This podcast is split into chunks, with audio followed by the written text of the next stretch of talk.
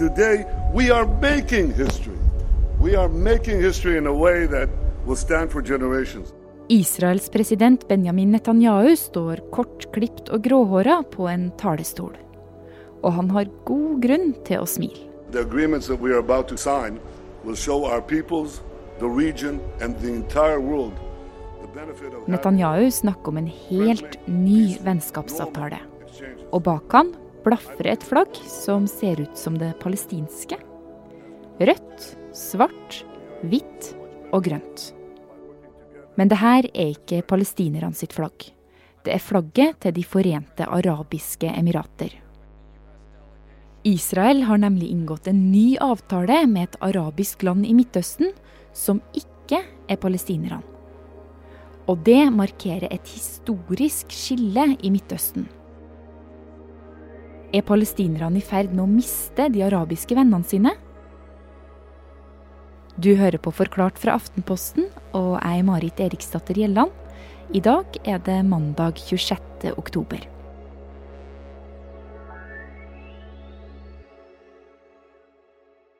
Israel ble jo til som en stat i mai 1948, og det første den arabiske verden gjorde dagen etter, var å erklære krig.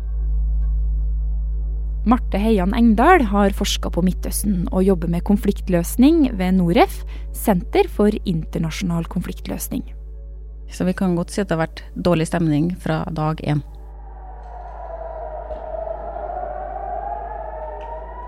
Denne dårlige stemninga mellom Israel, palestinerne og resten av den arabiske verden har siden 1948 ført til flere kriger, terrorangrep og opprør. Og gjennom historia har verden gjort en god del forsøk på å skape fred. Du har Oslo-avtalen på 90-tallet. Har han underskrevet brevet? Veikartet for fred på starten av 2000-tallet. Fredsplanen skal bl.a. få slutt på selvmordsaksjoner som den i Tel Aviv i natt. Forhandlingene under Barack Obama i 2013. Og Hvis dette blir bekreftet, har de nye fredssamtalene mellom Netanyahu og president Abbas fått en hard start før de har begynt for fullt. Men ingen kan vel sies å ha lykkes helt i å skape fred i regionen. Konflikten mellom Israel og palestinerne ble kalt alle konflikters mor, nettopp fordi så mange av konfliktene i området har vært knytta til den.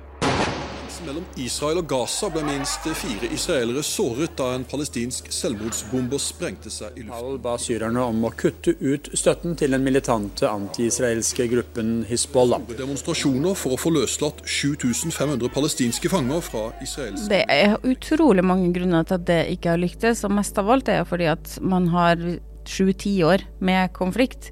Eh, og så er det i kjernen av det så ligger spørsmålet om når Israel ble oppretta, så skulle det også egentlig opprettes en eh, palestinsk stat, ikke sant? Og den fort, finnes fortsatt ikke. Så det er, fortsetter å være kjernen i problemene, og så har det lagt lag på lag da, ettersom konflikten har vart. Eh, og det betyr at konfliktløsning også må ta er, blir omfattende. Det er ikke noe Det finnes ikke, etter min, mine begreper, noe snarvei til det.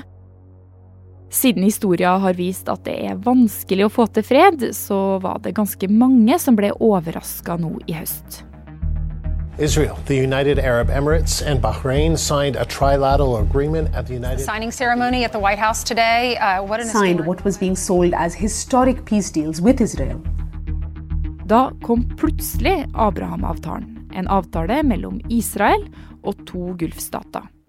What these deals do is make official an open secret De kom ut av skapet som venner.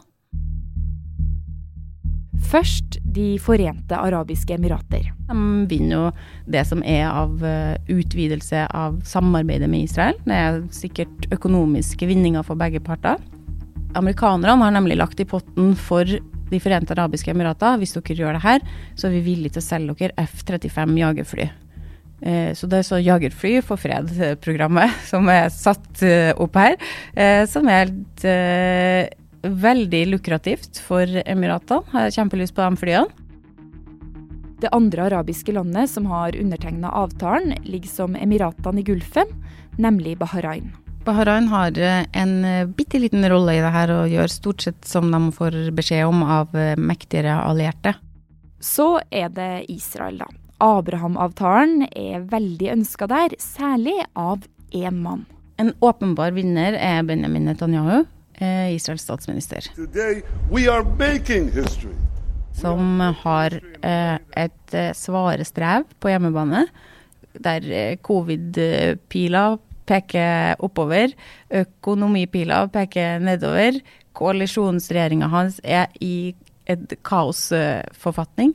Og han står personlig i ferd med å tre inn i rettssalen for å forsvare seg en, mot en rekke tiltaler som er tatt ut mot han som person. Er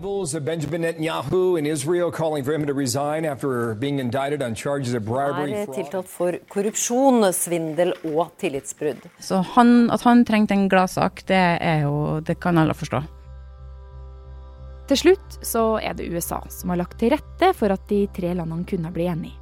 Det er jo en grunn til at timingen er som den er. At det her er liksom uh, smekk, smekk, nå har vi fått en avtale, og vi flyr inn alle sammen for å feire det, til tross for at hele verden er ramma av en pandemi. Det er jo fordi det her er valgkamp. Trump har gått til valg på å være selve liksom avtalemakeren over alle avtalemakere. Eh, det her er jo en, et forsøk på å vise at se her, hva sa jeg, hva lovte jeg? Her har dere en avtale, en historisk avtale mellom to svorne fiender. Så hva handler avtalen om, da, sånn egentlig? Det er en eh, normaliseringsavtale der eh, De forente arabiske emirater eh, sier at i bytte mot at de anerkjenner Israel og normaliserer sitt forhold til den jødiske staten, så skal Israel eh, midlertidig suspendere sine planer om å eh, annektere det palestinske Vestbredden. Og her begynner det å bli komplisert, for da kommer vi inn på det som er kjernen i Israels, eh, som er Israels hovedkonflikt. Ikke med Emiratene, men med palestinerne. En liten utsettelse av planene om å ta over Vestbredden, det hjelper ikke palestinerne. For ikke alle vinner på denne avtalen. Og på sikt kan denne fredsplanen gjøre det enda vanskeligere å få til ordentlig fred.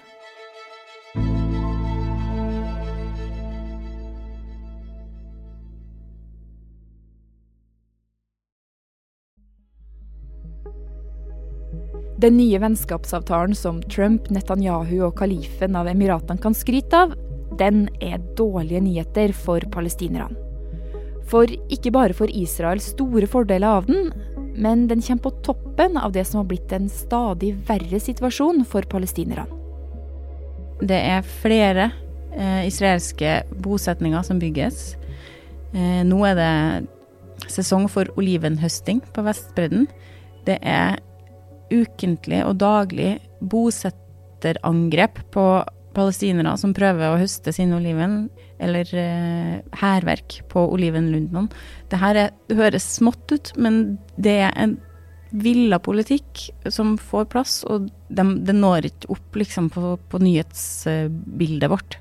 Eh, I tillegg til det så er det hundrevis av palestinere blir utsatt for vilkårlig arrest og sitter uten mulighet for sivil rettssak eller å vite hva de er arrestert for i månedsvis.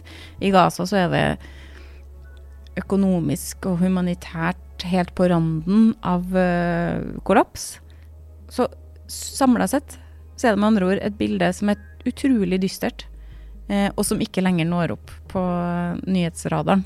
Mens Israel kan stå i spotlightens lys på plena foran Det hvite hus som en fredsnasjon som knytter seg tettere til den arabiske verden. Palestinerne er kanskje de som tjener aller minst på Abraham-avtalen. Den arabiske verden har nemlig alltid sagt at de godt kan bli Israels gode naboer, men ikke før Israel anerkjenner et fritt og uavhengig Palestina. Og det har til nå vært eh, rådende linje. Og dermed så har med å nå gi Israel det Israel har lengta etter siden 1948, nemlig det å få et velkommen til nabolaget, med å gi det uten at det kosta noe, uten at de trengte å komme palestinerne i møte, da har på en måte man brutt da, med mange tiårs linje, eh, der de arabiske landene har stått i hvert fall retorisk, om ikke liksom faktisk, ved palestinerne sin side. For å prøve å gjøre noe med denne avtalen, så pakka palestinernes utenriksminister kofferten og dro til et møte i Den arabiske liga i september.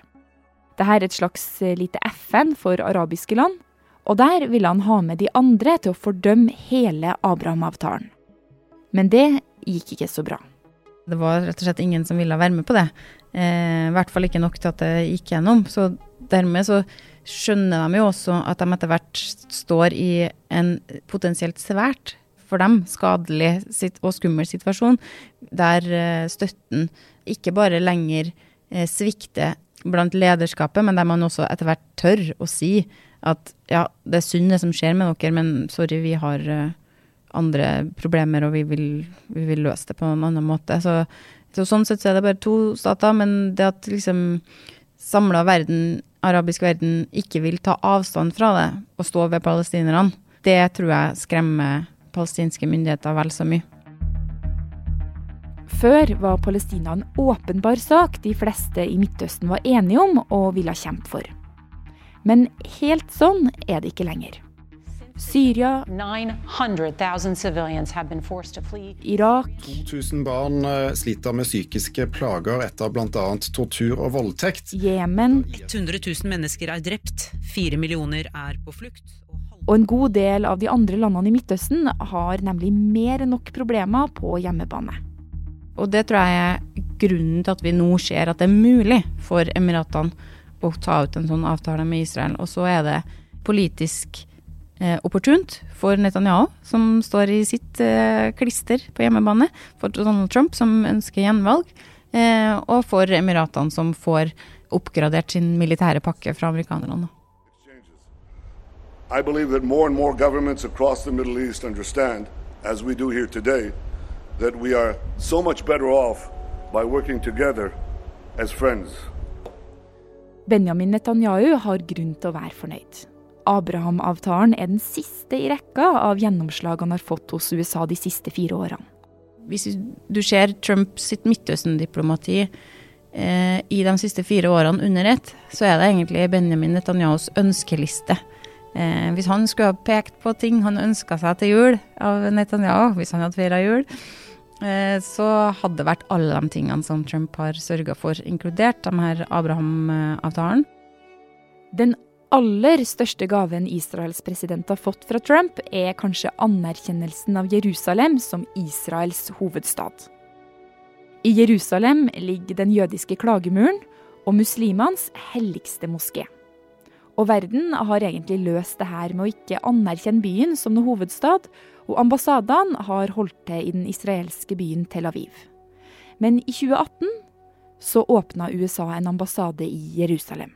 Og hovedpoenget med alt det her er med å gjøre alle de tingene her, så har Trump-administrasjonen også gitt fra seg alle pressmidler som den, det internasjonale samfunnet har hatt overfor Israel.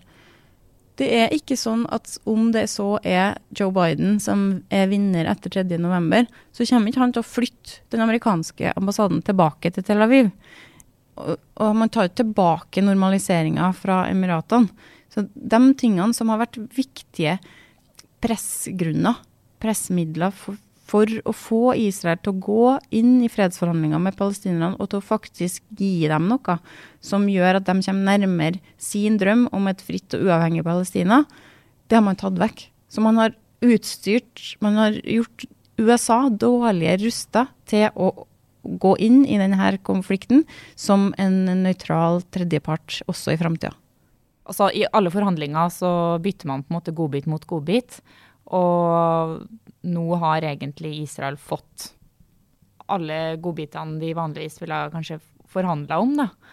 Er det det du sier? De har fått uh, blitt spandert på av Donald Trump i hopetall og hatt fri bar. Det er ikke bare et uh, problem som er her og nå, og som det går an å fjerne seg fra. Den barregninga er det vi, resten av det internasjonale samfunnet som kommer til å ende opp med å må betale for.